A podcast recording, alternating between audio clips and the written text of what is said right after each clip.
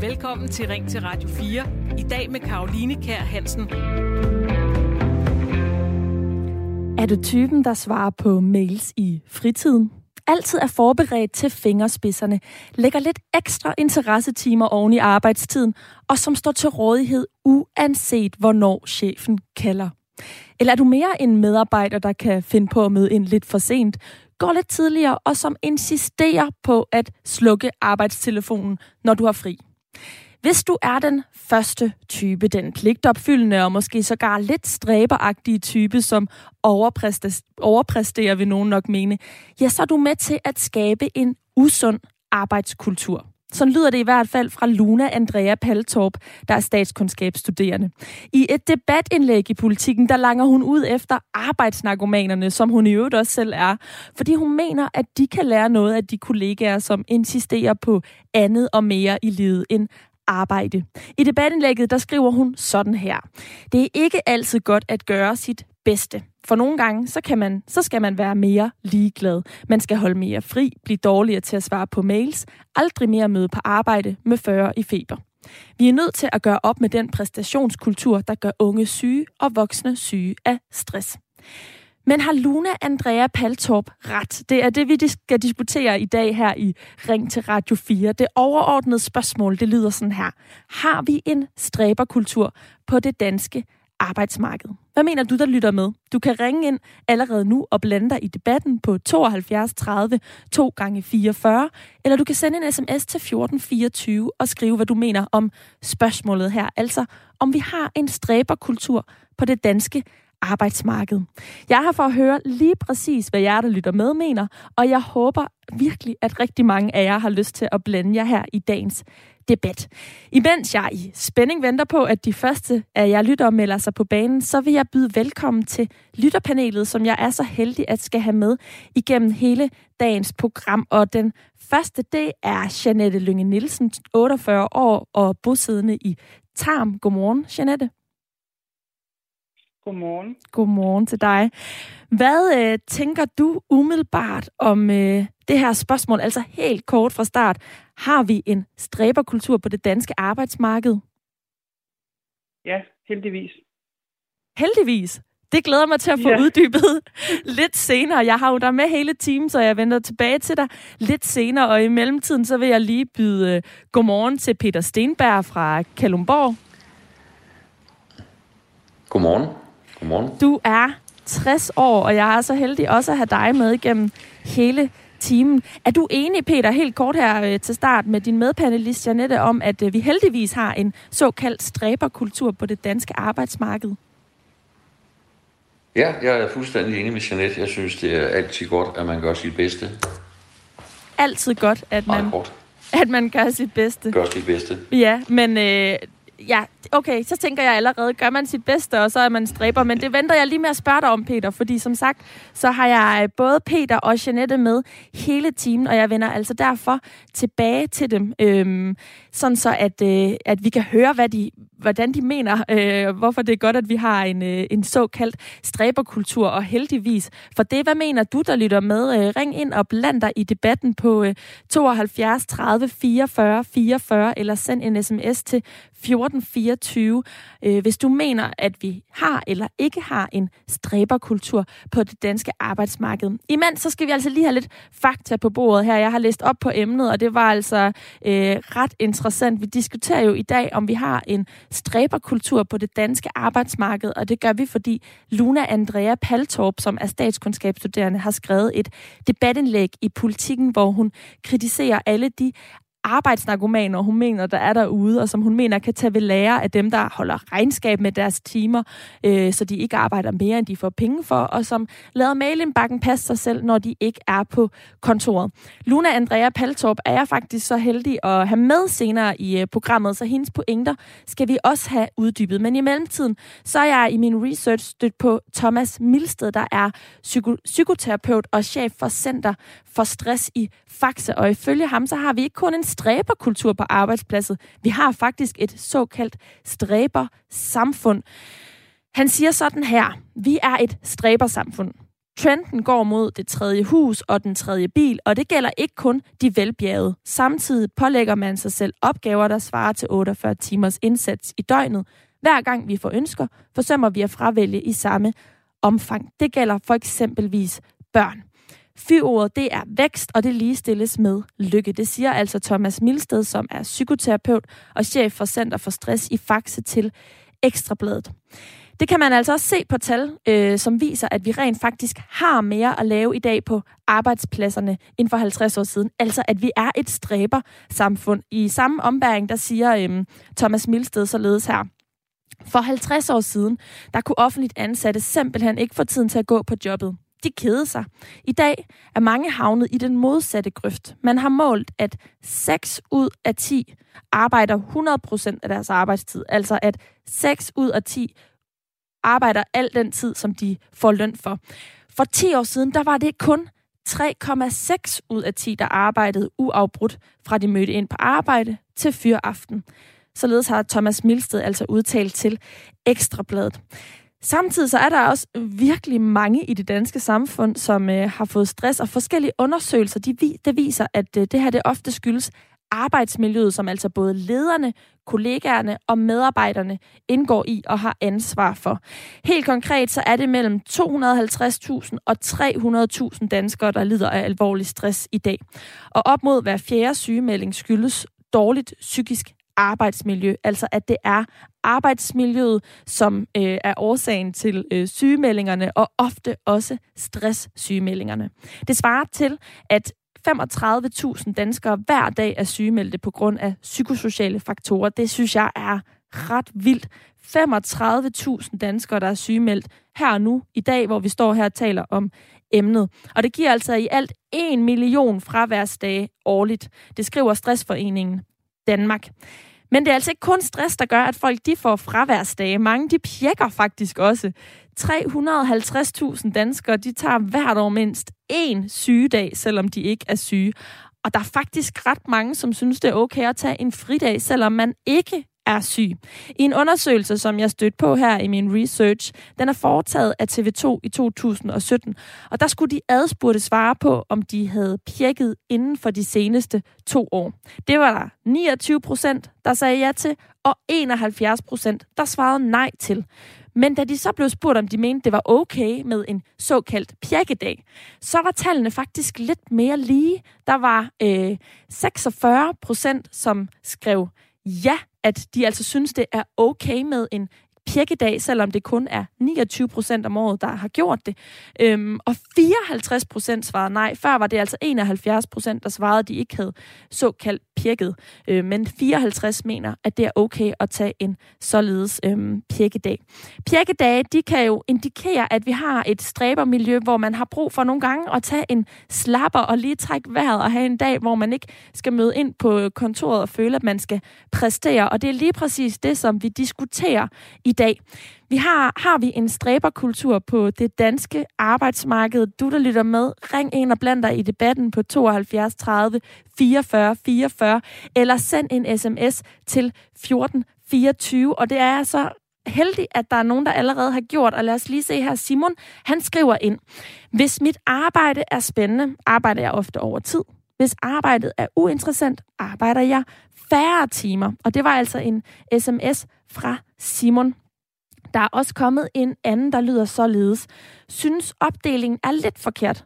Jeg er pligtopfyldende og gør altid mit bedste, men går ikke syg på arbejde, og stress og overarbejde findes ikke. Der er altså lidt forskellige holdninger til, øh, til det her emne. Altså, nogen mener, at øh, det med at være pligtopfyldende og såkaldt stræberagtig, det har altså ikke noget at gøre med, om man er sygemeldt eller med til at hjælpe et stressmiljø. Det har vi i midlertid Luna Andrea Paltorp, der mener, hun har skrevet et debatindlæg i politikken, hvor hun altså siger, at de her arbejdsnarkomaner er med til at skabe den dårlige, det dårlige arbejdsmiljø, som er med til at gøre, at vi har så mange, der øh, bliver sygemeldte i dag, og, og Luna Andrea Paltorp har jeg med lidt senere, så kan I høre hendes øh, pointer og få uddybet, hvorfor at hun mener det, og hvordan sammenhængene lige er i hendes hoved. Men i mellemtiden, så er du, der lytter med, meget velkommen til at byde ind med, hvordan sammenhængene er i dit hoved. Skriv ind til mig på 1424 eller ring til 72 30 44 44.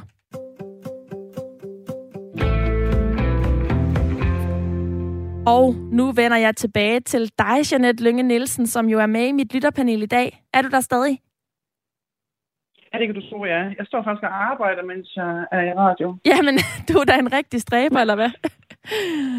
Ja, det er jeg. Ja, jamen øhm, Jeanette, jeg kan se, at du arbejder i uh, Kulturhuset Mejeriet og er selvstændig. Og du giver også uh, tips til rengøring på sociale medier. Hvad står du og arbejder med lige nu? Det virker til, at du har lidt forskellige arbejdsroller, uh, kasketter på.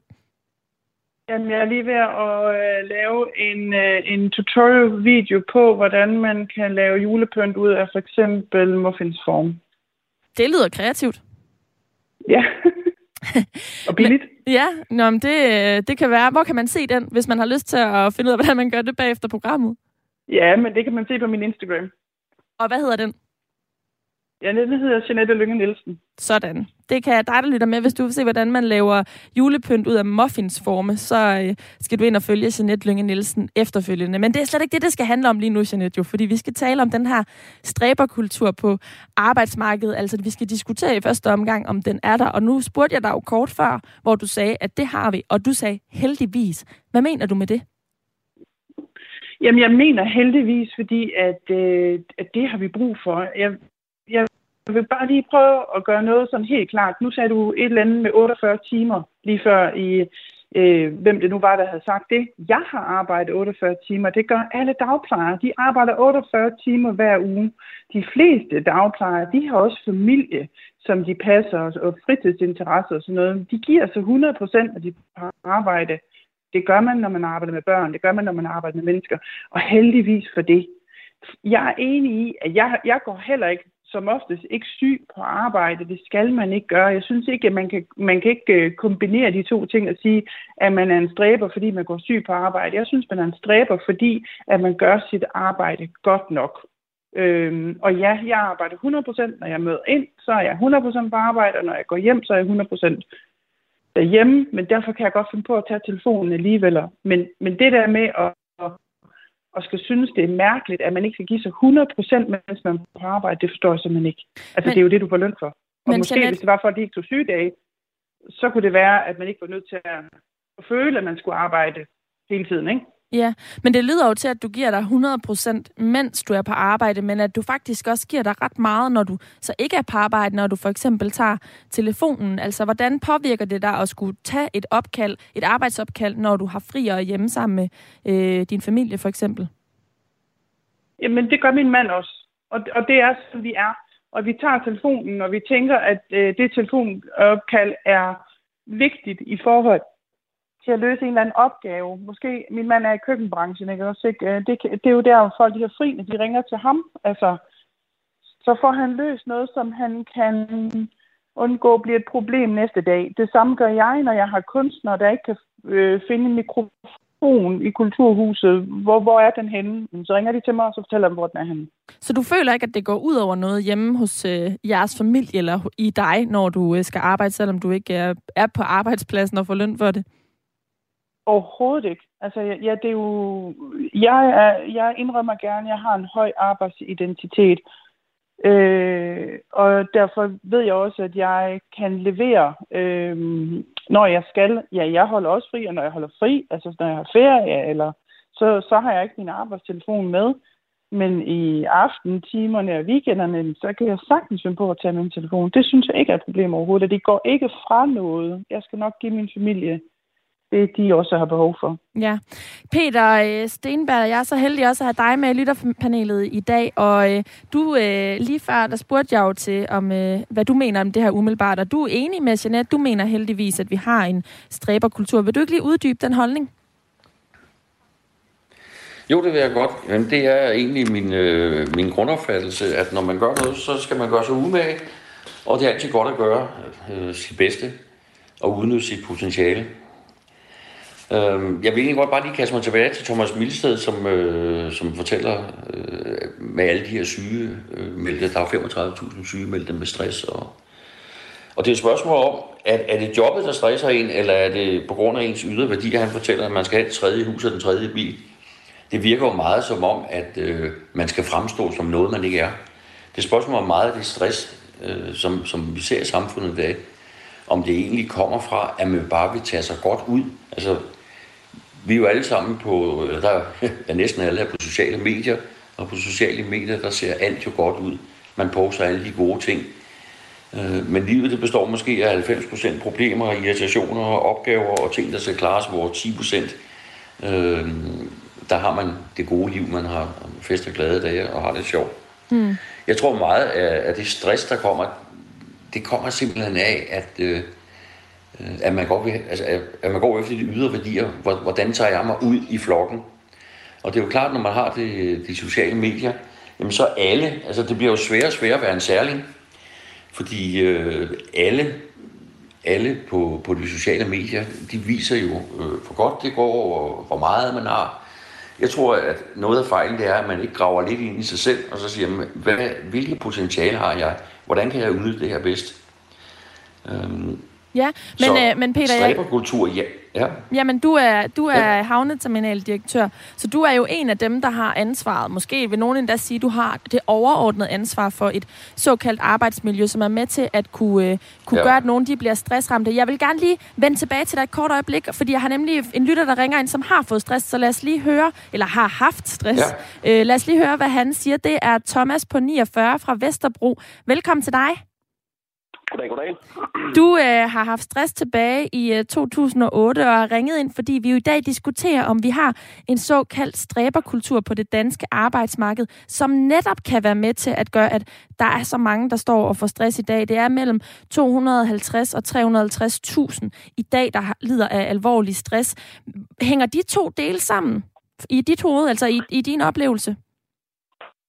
Ja, altså de hænger helt bestemt sammen, men lige hvilke øh, modpoler af, af, af de her to grupper, du snakker om, synes jeg lige, vi skal have styr på, for jeg tror, stræbergruppen, den ligger nok hos for eksempel, hvis vi tager mellemlederlaget, det tror jeg, det er det, at der er mange for eksempel mellemledere, der stresser sindssygt meget på at komme længere op, og så stresser de jo de medarbejdere, de har under sig helt sindssygt meget. Og jeg vil give Peter, Peter ret i, at øh, Altså Danmark er jo blevet mindre på den måde, at vi er blevet sådan et lille land, der spiser det samme, hører det samme, går på de samme restauranter, spiser det samme Just Eat, Volt og så videre. Det er blevet sådan mindre på den måde, så der er kommet lidt længere ud til yderkanterne. Jeg synes det med stress, hvorfor har vi stress? Øh, og hvorfor har vi det i samfundet? Øh, jeg synes, det er vigtigt at kigge på, at sådan noget som den gode gamle tillidsmandspost, den er jo mere eller mindre i store corporate firmaer, altså hvor man er mange mennesker. Øh, den er jo blevet vekslet med det, der hedder Human Resource, også kaldet HR. Øh, det er jo faktisk det omvendte af en tillidsmandsposition. Og det har man jo fjernet fra mere eller mindre fra Danmark. Altså, vi har ikke så meget tillidsmand øh, mere i Danmark. Vi har mere HR. Og det er faktisk det modsatte af tillidsmand, og det er jo faktisk, kunne jeg sige, ganske forfærdeligt. Det er faktisk helt frygteligt. Øh, tillidsmanden var jo der hvor fru Hansen kunne komme hen og sige, jeg har brug for en ny stol, jeg har fået dårlig ryg. Der kan vi finde ud af, hvor Human Resource kan stille sig op på første møde i firmaet og sige, der bliver ikke nogen nye stole, der bliver ikke nogen lønforhøjelser. Og så den givet barberet med 300 medarbejdere. Og det er en kæmpe forskel i vores samfund, at tingene begynder at svinge på den her måde her. Øh, det, og det, det, det er også vores corporate måde at arbejde på. Altså, det kan skabe en kæmpe meningsløshed hos folk at arbejde for en stor koncern, hvor der aldrig er ansigt på noget, eller der aldrig er kommunikation med den anden, end undtagen skærmkommunikation. Så man kun har skærmkommunikation med nogle mennesker, man ikke ved, hvem man, hvem man er, hvor man skal løfte nogle resultater, og så samtidig med det, så er man måske også en ildsjæl. Så man lægger faktisk hud og hår i det her, men bliver egentlig bare bokset rundt øh, og brugt. Og det er hverdagen for rigtig, rigtig, altså flere hundredtusind danskere. Så Thomas, det er simpelthen manglen på øh, menneskelige ansigter og øh, tillidsmænd, der i din optik er årsagen til stress, og altså jeg, ikke jeg stræberkulturen. Jeg vil, ja, jeg vil rigtig godt lige hæfte mig ved. Man har fundet ud af, at der skal være noget, der hedder HR. Det er der jo nogen, der har besluttet. Det er ikke manglen på eller noget. Det er nogle, nogle greb, der bliver lavet. Og så kan du så prøve at finde ud af, hvem laver de greb? Hvorfor er det sådan? For der er ikke manglen eller folk, der stræber, eller folk, der kaster sig ud i stress. Der er nogle funktioner, som svinger helt anderledes. Vi er jo også et samfund nu, som skal være på mit idé, nem idé, sundhedsplatform, la la la la la la la la, og jeg er på ingen måde konspiratorisk overhovedet. Jeg siger bare, at vi er en hel nation, der skal det her, frem for ikke at skulle det. Thomas, 49 fra Vesterbro. Tusind tak, fordi du bød ind her i Ring til Radio 4 i dag. Tak. Og øh, nu kan jeg byde velkommen til øh, Luna Andrea Paltorp. Ja. Ja, det Goddag og velkommen til Ring til Radio 4. Jeg, du er jo årsagen til, at vi tager det her emne op, fordi du har skrevet et uh, Ja. debatindlæg om uh, Det en ære. ja, den danske stræberkultur. Uh, nu får du simpelthen 55 minutter lige i dine ører omkring det her emne. Der er en masse, der byder ind. Det er lidt blandet. Nogle mener, at vi har en stræberkultur, og at det er godt. Andre mener, at vi har en stræberkultur, men at vi også har stress, og at der ikke nødvendigvis er en sammenhæng derimellem. Vil du ikke lige fortælle vores lyttere, hvordan er det, du ser sammenhæng mellem en såkaldt stræberkultur og så den øh, mistrivsel, øh, du også ser på arbejdspladserne, som du har skrevet om i debatindlægget? Jo, helt sikkert. Altså, øhm, jeg skal lige slå fast, at der lyder som om, vi alle sammen har nogle lidt forskellige opfattelser måske af, øh, hvad ordet stræber betyder, eller i hvert fald lægger vi nogle forskellige øh, associationer i det. Øhm, jeg tror for mig, at det her med en stræberkultur, noget som jeg egentlig ser ret mange, i ret mange dele af vores samfund, øhm, og som jeg også tidligt har stiftet bekendtskab med selv. Øhm, jeg tror, det her med at øh, at være et barn af to forældre, der også arbejder meget, øh, og som har snakket meget om det her med, at på deres arbejdspladser har det nogle gange virket, som om der har været lidt en, øh, en kultur for det her med, at det var fedt at komme tidligt og, og gå sent og måske tage på arbejde, selvom man var syg og sådan nogle ting, og, og også ofre noget fritid på det. Øhm, og jeg tror, at, øhm, at den her norm, der ligesom øh, der er om at gøre de her ting, øhm, den er ikke, den er ikke øh, særlig sund, øhm, og jeg tror, at den går ud over rigtig mange. Men hvem er det, det går ud over? Altså, øh, er det dem, der ikke nødvendigvis har en, øh, en stor arbejdsidentitet, eller hvor er det ligesom kurven, den knækker? Fordi det lyder jo også til, at sådan en som Janette i mit lytterpanel er glad for at arbejde så mange timer, men det er jo så måske hendes børn, det går ud over, eller hvad er det lige, jeg hørte dig sige? Øhm, jeg tror, at hvis man er rigtig glad for at arbejde meget og øh, stortrives med det, så er det jo bare sådan, det skal være. Øhm, men jeg vil bare sige, at for mig har det i hvert fald været rigtig skønt øhm, at opdage det her med, at der findes noget mening og anerkendelse, øh, som man kan gøre sig fortjent til, uafhængigt af ens karriere.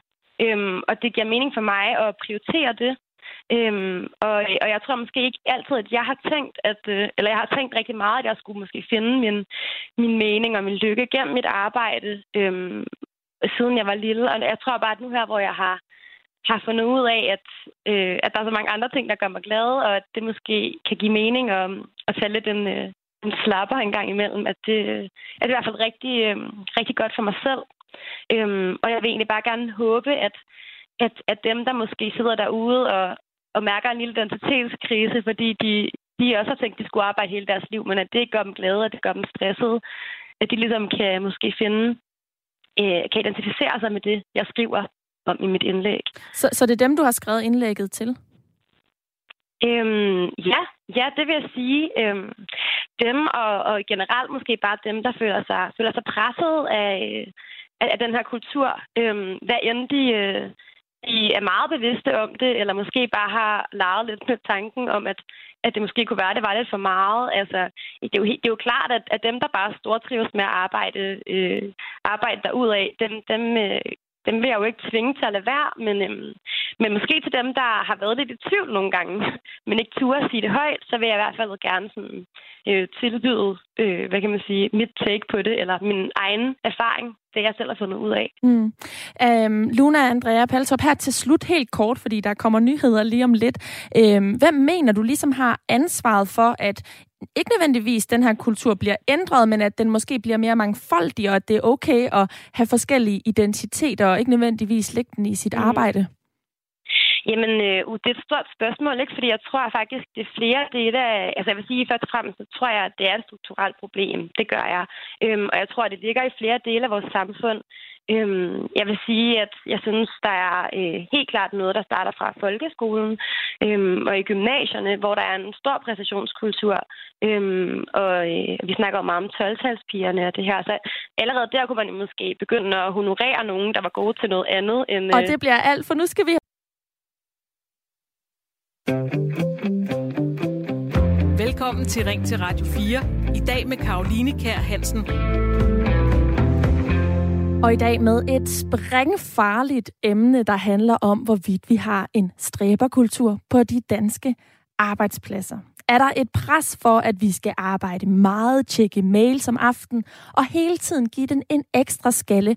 Og det er ok at slappe af og tage lidt lettere på det hele, og måske nogle gange være ligeglad, som en studerende sagde her i slutningen af første del af Ring til Radio 4, som du lytter til er det faktisk godt for alle på arbejdspladsen, hvis de mest ambitiøse, de gasser lidt ned, eller kommer vi ingen vegne, hvis vi ikke yder det bedste hele tiden? Det er det, vi diskuterer i dag, hvor det overordnede spørgsmål er, har vi en stræberkultur på det danske arbejdsmarked.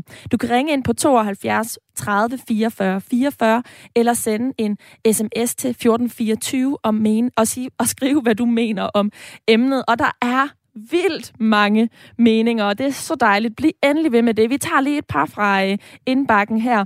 Der lyder øh, sådan her den første sms. Folk får stress, fordi de skal tusind ting efter arbejde med venlig hilsen. Lars Madsen, altså det er ikke arbejdspladsens skyld.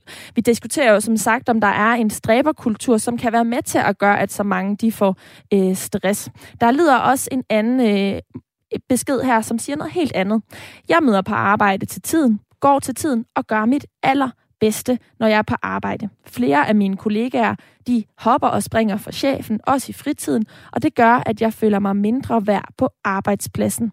Der er også flere, der har været sygemeldt på grund af stress. Og det er jo lige præcis det her, der er fokus i dag om det, at nogen de overpræsterer på den måde, de, det går ud over nogle andre. Det gør det i hvert fald, hvis vi spørger lytteren her, som desværre ikke har skrevet navn øh, eller sted øh, fra, hvor hun skriver fra. Øh, det kan jo også være øh, en, en han, men, øh, men det er i hvert fald det emne, som, øh, som er fokus for øh, programmet her. Der er en anden, der lyder, jeg har selv været stræberen, men man må finde ud af, øh, at man får 0% ud af det. Nu har jeg kun respekt for dem, der vælger at leve. Der begynder altså at komme nogle lidt andre holdninger, end dem vi har hørt i den første halvdel af timen. Og så lyder der en her, jeg har været, øh, nå nej, den havde vi lige, den tog vi lige, så tager vi den næste, for der er masser at tage af. Problemet er ikke, at vi har et stræbersamfund. Problemet er, at det er det forkerte, vi stræber efter.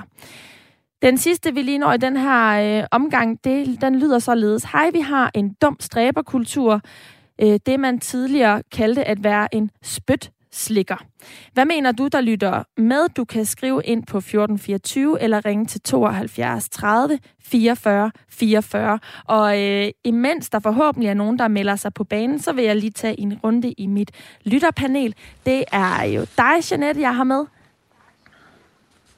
Ja. Ja, du har været med hele timen, og du nåede forhåbentlig også at høre, hvad Luna Andrea Paltorp, hun øh, mente før, for det er jo hende, der har skrevet det her debatindlæg i øh, politikken, som har sat gang i hele den her debat, vi tager i dag om, hvorvidt vi har en stræberkultur på det danske arbejdsmarked, som altså har et kæmpe bagslag på vores øh, mentale øh, sundhed. Og noget af det, jeg hæftede mig ved, det var det her med, at hun som barn af nogle forældre, der har, har arbejdet meget, er blevet præget af det. Hvad, hvad tænker du om, om de tanker, hun, øh, altså specifikt de tanker omkring øh, forældre-børn-forholdet og arbejdet og måden, man ligesom viser, hvad arbejdet skal fylde på? Jamen, jeg, jeg kan ikke se, at der er noget galt i det. Det er jo sådan, jeg er opdraget. Jeg er opdraget til, at hvis ikke hovedet er under armen, så går man på arbejde, og man yder sit bedste. Øh, og og, og, og det har jeg givet mine børn, og det har de med i det omfang, de nu kan og, øh, og har lyst til. Og øh, vi har aldrig påduttet dem i hverken en, en bestemt uddannelse eller i det hele taget en uddannelse. Vi har sagt til dem, at det er meget vigtigt at være lykkelig i det, de laver, og det, det, det, det, det synes jeg, de er, og det er også det, de siger. Så øh, vi har fået både min mand og jeg, selvom vi har arbejdet mange timer. Så har vi også øh, været frivillige og arbejdet i foreninger og haft børnene med i alt det, vi overhovedet kunne. Øhm, så vi har altid været en super aktiv familie. Og, og det, det, det synes jeg er en gave. Mine børn har mødt rigtig mange mennesker, og de har fået de har fået rigtig meget ind under huden omkring arbejdsliv. Både, både plus og minus, fordi man kan ikke gå igennem et helt arbejdsliv, øh, uden at der er både plus og minus. Øh, så det, jeg synes, det er en gave. Ja, og, og, og, og det her med, at du, altså det jeg hører dig sige, det er, at det er vigtigt, at man så netop laver, altså man beskæftiger sig med noget, man synes er interessant. Hvad nu, hvis det, man synes var interessant, at man skulle vælge at tage en uddannelse øhm, i, i begyndelsen af 20'erne, når man så bliver 40 og finder ud af, at det er faktisk ikke det, der er interessant for mig længere. Jeg, kan, jeg bliver ikke glad for at lægge så mange timer i det. Mener du så, Jeanette, at man skal øh, vælge noget andet, altså skifte retning, så man stadig kan arbejde så meget, eller skal man bare ligesom acceptere den følelse? Hvordan vil, hvordan vil du rådgive folk, der har det i den situation? Jamen, min mand og jeg er lige flyttet fra vores børn. Vi er lige flyttet øh, øh, halvanden time væk fra dem, fordi vi har vi har gjort op med os selv, at vi vil have et andet hvad skal man sige, arbejdsliv. Øh, vi vil ikke have så langt på arbejde. Vi vil hellere bo et andet sted. Så vi har jo taget beslutningen om, at det var vigtigt at gøre for os for at være lykkelige. Vores børn de har støttet os 100% i det, men at det er en dyt med nødt til, både over for sig selv og sine kollegaer og sin chef, at mærke efter og sige, er jeg på rette hylde? Er jeg ikke det? Så er jeg nødt til at sadle om. Det kan chefen ikke gøre for mig, det kan min kollega ikke gøre for mig. Det er man nødt til. Jeg tror, de færreste, som har taget en uddannelse i 20'erne, øh, vidste, hvad de gik ind til. Øh, og man har retten til at vælge om. Det har mine børn også gjort. Startede en uddannelse, fundet ud af, at det var slet ikke dem. Hvor skulle de også vide det fra, og startede en anden uddannelse og gjort den færdig man, man er nødt til at mærke efter. Ja, og grunden til, at det er vigtigt, at vi bliver ved med at opretholde det her øh, høje arbejdsniveau, hvad er det årsagen til? Altså, hvad, hvad for nogle konsekvenser er du bange for, det får, hvis vi begynder at få en anden indstilling til det at arbejde? Altså, øh, være lidt mere sådan øh, middelmodig og, og, og holde meget regnskab med det? Jamen, jeg spekulerer jo bare på, jamen, jeg har stor respekt for, at at nogen vælger at sige, at det her arbejdsliv eller det her rotteræs, det er ikke for mig, jeg skal ikke arbejde så mange timer, men hvordan vi finansierer det sig selv. Altså, hvem er det, der skal finansiere det? Jeg er så lykkelig for, at vi bor i et samfund, hvor man kan få forældreoverlov og uddannelsesårlov og alle de her andre ting. Det kan jo kun lade sig gøre, fordi der er nogen, der går på arbejde og tjener pengene. Og jeg mener ikke, at vi skal dele samfundet sådan op og sige, der er nogen af os, der knokler, og der er nogen, der ikke gør. Jeg synes, man skal yde, før man kan nyde. Og nogle gange så er ydelsen, at man tager på en uddannelse, så man kan bidrage til samfundet senere hen. Men, men, men det er ikke bare, jamen jeg, jeg spekulerer bare på, om, om det er velovervejet, eller det er bare en her-nu-følelse. Og jeg er enig med øh, den anden i lytterpanelet om, at jeg tror, at meget af det her stress, at det kommer af, det kommer nødvendigvis ikke af arbejde. Det kommer af, at man vil have alt det udenfor også. Mm. Øh, det, det tredje hus og den Teslaen og alle de andre ting. Mm. Er det det, der bliver, man bliver lykkelig af, så er det da det, man skal gøre. Ja. Lad os lige spille bolden over til øh, Peter Stenberg, som er den anden i øh, lytterpanelet. Du er jo øh, øh, direktør, så du er jo en af dem, der sidder højt oppe og også har ansvar for, øh, for andre medarbejdere.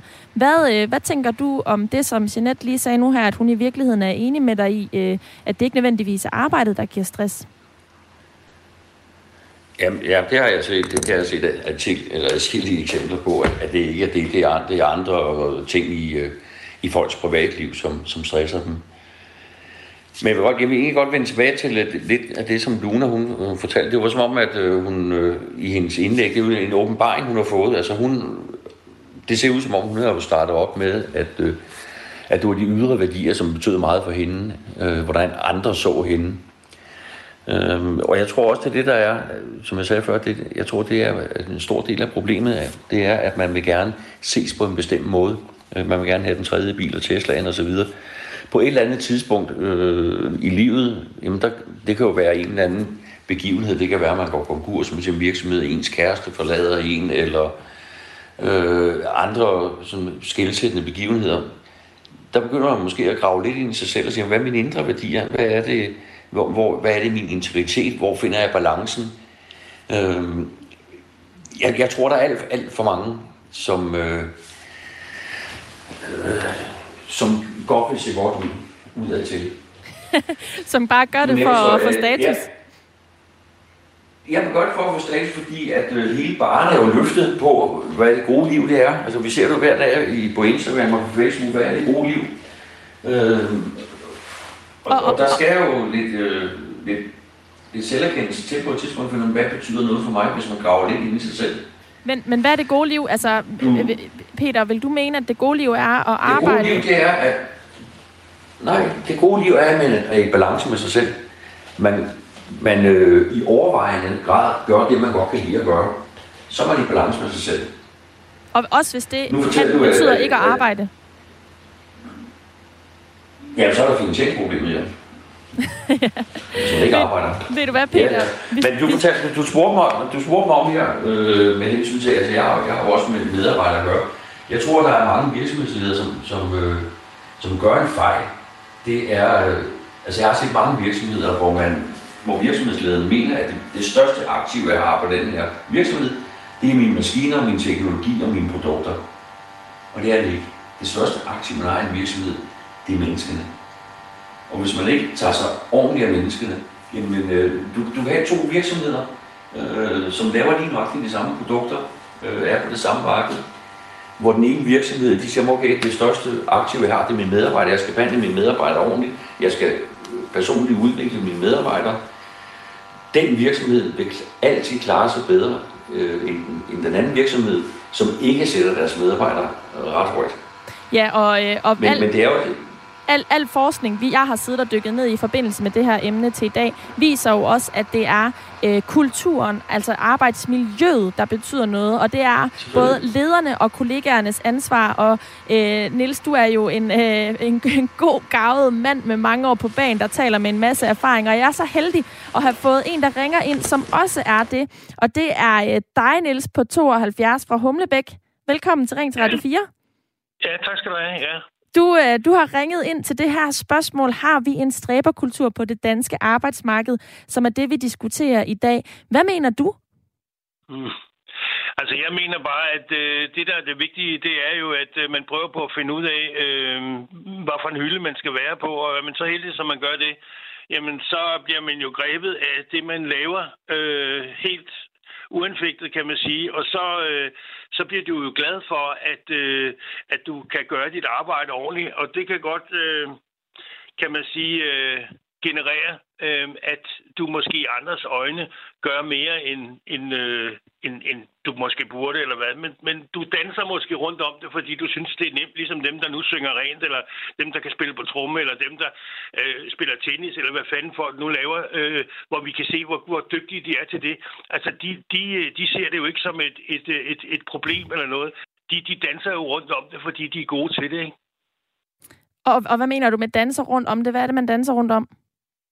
Jamen, man er bare glad, når man går på arbejde. Man er glad for sine kollegaer. Altså, hvis det er, man ryger på rette hylde, og man, man, man trives det, hvor man er, og man kan det, man, man har mere at gøre, så går tingene bare op i en højere enhed, og så, øh, så er du et, et godt øh, forbillede, kan man sige, for de andre medarbejdere, øh, og kan måske smitte lidt af på dem, øh, og, og, og, og fortælle dem, hvordan at man, man bliver dygtig til det, man laver. Nogen er så måske bare placeret forkert. De skal måske slet ikke lave det, de har gang i, eller føler måske ikke, at, at de har selvværd, eller, eller, eller at de er så dygtige til det, de egentlig går og laver. Så de skal måske bare finde noget. Jeg arbejdede som mekaniker i, i 22 år, og var både værkfører og, og servicearbejder og alt muligt øh, inden for mekanikerfaget, men øh, så skiftede skiftede jeg, da var 38 og blev sælger på Søndagsavisen, og var der i 22 år. Jeg må indrømme, jeg havde, tror aldrig nogensinde, jeg havde fået chancen for at prøve at skifte til sådan en job, fordi det krævede jo selvfølgelig umiddelbart nogle helt andre forudsætninger.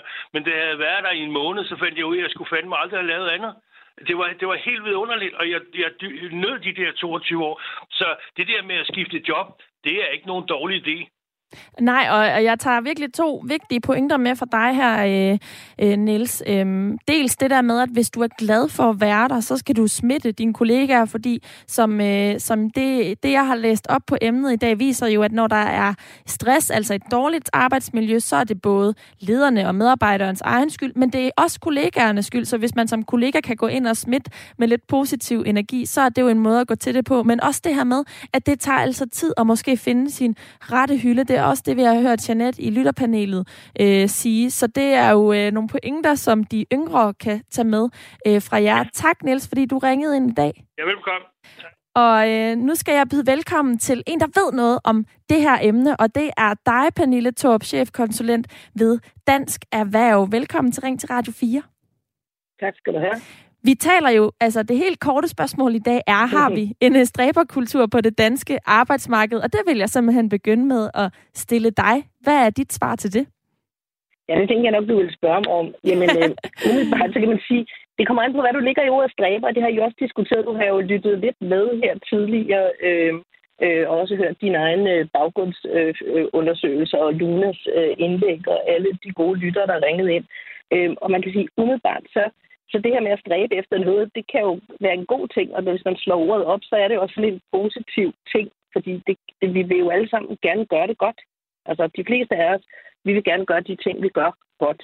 Og hvis det er at stræbe, jamen, så har vi nok en stræberkultur. Men hvis det er noget med at, at få skabt en eller anden kultur, som du der også var inde på, hvor vi i højere grad går op i sådan noget med, hvad karakterer vi får, og hvordan ser vi ud, og gør vi, ser vi lige så godt ud som andre, så synes jeg ikke, vi har en stræberkultur på den måde. Men, men vi, vi, vi har en kultur, hvor vi gerne vil performe øh, på vores arbejdsplads. Det, det, det har vi. Du, du repræsenterer, Pernille, jo som chefkonsulent ved Dansk Erhverv ja. en, en masse arbejdspladser, og du siger, at vi har ikke yes. en stræberkultur, men en performancekultur. Er der nogle øh, konsekvenser ved det? Jamen, selvfølgelig er der nogle konsekvenser. Øh, vi har jo også hørt noget af det her. Der kan jo være de konsekvenser, at hvis folk ikke har den her balance imellem, eller trives, som der også var inde på nu, jamen så kan man jo godt opnå øh, noget negativt, som kan være stress for eksempel, eller mistrivsel. Øh, ellers så kan der jo også være nogle gode konsekvenser ved det. Altså det vil sige det her med, at vi udvikler ting, og vi udvikler os selv, og vi er glade for at gå på arbejde, fordi vi er dedikeret til det, vi gør. Altså det, det er jo også noget med, her taler vi lidt om tid, og vi taler lidt om trivsel, og vi taler lidt om at være dedikeret. Øhm, og, og jeg har faktisk et citat, jeg godt lige vil give jer, fordi jeg er faktisk fra en stor arbejdsgiver, eller direktør Lars Rode, som er direktør for Nationalbank, han siger faktisk, jeg vil gerne have medarbejdere, der brænder, men brænder ud. Og derfor mener jeg også mine medarbejdere om, at det at være dedikeret er ikke det samme som at arbejde 80 timer om ugen. Men hvad... Og det synes jeg faktisk er en meget god måde at beskrive det på, og vi vil selvfølgelig gerne have nogle medarbejdere på de danske arbejdspladser, der går op i deres arbejde og som leverer øh, det, de skal. Men man skal også huske at holde pauser man skal også huske, at man ikke brænder ud. Øhm, jeg synes, det er vildt. Det lyder jo... Det lyder jo vildt fint, det her med at brænde for noget, men ikke brænde ud. Men hvem har så ansvaret for, at medarbejderne ikke brænder ud? Jamen, det har vi jo alle sammen. Altså, jeg bliver også lige nødt til, bliver lige nødt til, inden jeg svarer på det, så bliver jeg bare lige nødt til at gå helt tilbage til en af de lytter, der ringede ind og sagde, at vi har afskaffet tillidsmand, og nu er det Human Resource, der tager over. Øh, arbejdsmiljøet både det psykiske og det fysiske, det ligger altså i arbejdsmiljøorganisationerne. Og sådan en, den skal man simpelthen have på en arbejdsplads, hvis man er over 10 medarbejdere. Så det vil sige, alle arbejdspladser over 10 medarbejdere, de skal have en arbejdsmiljøorganisation, som skal have det her på dagsordenen, både det psykiske og det fysiske arbejdsmiljø. Og hvis man er under 10, så skal man faktisk også, det er lovkrav, have en årlig snak en gang om året om arbejdsmiljøet. Hvordan går det? Det er bare lige for lige at få den på plads, fordi den, den skurede lige mine ører, denne her med, at vi havde afskaffet alt det her, og nu var det bare Human Resource, der kunne stå op og sige, at det vil vi ikke være med til. Øhm, det var bare lige for at få det. Men det kræver jo også ledere. Der må, sidde, der må åbenbart sidde nogen og føle, at, at det er det, der er oplevelsen. Det kræver jo så ledere, der har sat sig ja. ind i det og prioriteret det ligesom dig. Ja, men det ved, altså det, det ved alle, der har en, en arbejdsplads. Det er ikke, øh, jeg tror nu, ved jeg ikke, hvordan, hvad han svarer ud fra, og, øh, men, men det er et lovkrav, og de, dem, der stifter øh, virksomheder, de kender godt lovkravene, og ellers hjælper vi det også med dem herinde fra Dansk øh, Erhverv øh, med at gøre opmærksom på, hvad man skal leve op til som, som arbejdsplads. Øhm, men tilbage til det, der sagde med, hvem der har ansvaret. Det var bare lige for at få rettet op på denne her. Øh, det er kun godt at få rettet op på tingene, Pernille. ja, det var bare lige for at få den med. Men alle har jo et ansvar. Man kan sige, man har jo selv et ansvar for også at vurdere, hvordan er min work-life balance. Altså, øh, hvor, meget gør, hvor meget har jeg travlt på arbejde? Er der noget, der skal justeres? Skal jeg tage en snak med min leder? Nu var der en af jeres lytter, der taler om det her med at skifte spor. Er jeg glad for mit arbejde? Er jeg ikke glad for mit arbejde? Jamen, det kan der jo være nogen, der skal. Der kan også være nogen, hvor man skal ind og tale med sin leder, og man kan få nogle andre typer af opgaver, hvis der er noget, der stresser i det, man gør, eller hvis man føler sig presset. Det er fordi, det kan være stress, men det kan også være, hvis man føler sig presset. Øh, til at skulle levere et eller andet, man ikke synes, man kan. Så man har selvfølgelig selv det her ansvar, øh, og, og det er også vigtigt for en selv at holde pauser. Og det er vigtigt, at vi alle sammen holder pauser. Det tror jeg, vi bliver meget klar over, rigtig mange af os, der arbejder hjemme under corona. De her teamsmøder, der sidder plastret til ryg mod ryg, der glemte vi helt at holde pauser, eller fik ikke mulighed for det. Og det er ikke særlig sundt, og man er heller ikke særlig, øh, hvad skal man sige, har ikke overskud til næste møde, hvis ikke man får en pause. Så, så det her med at holde pauser, og der har også været lidt tale om det her med at være syg. Hvis man er syg, så er man syg, og så skal man blive hjemme. Mm. Øh, så, så, så det har man selv et ansvar for, men lederen har selvfølgelig også et ansvar.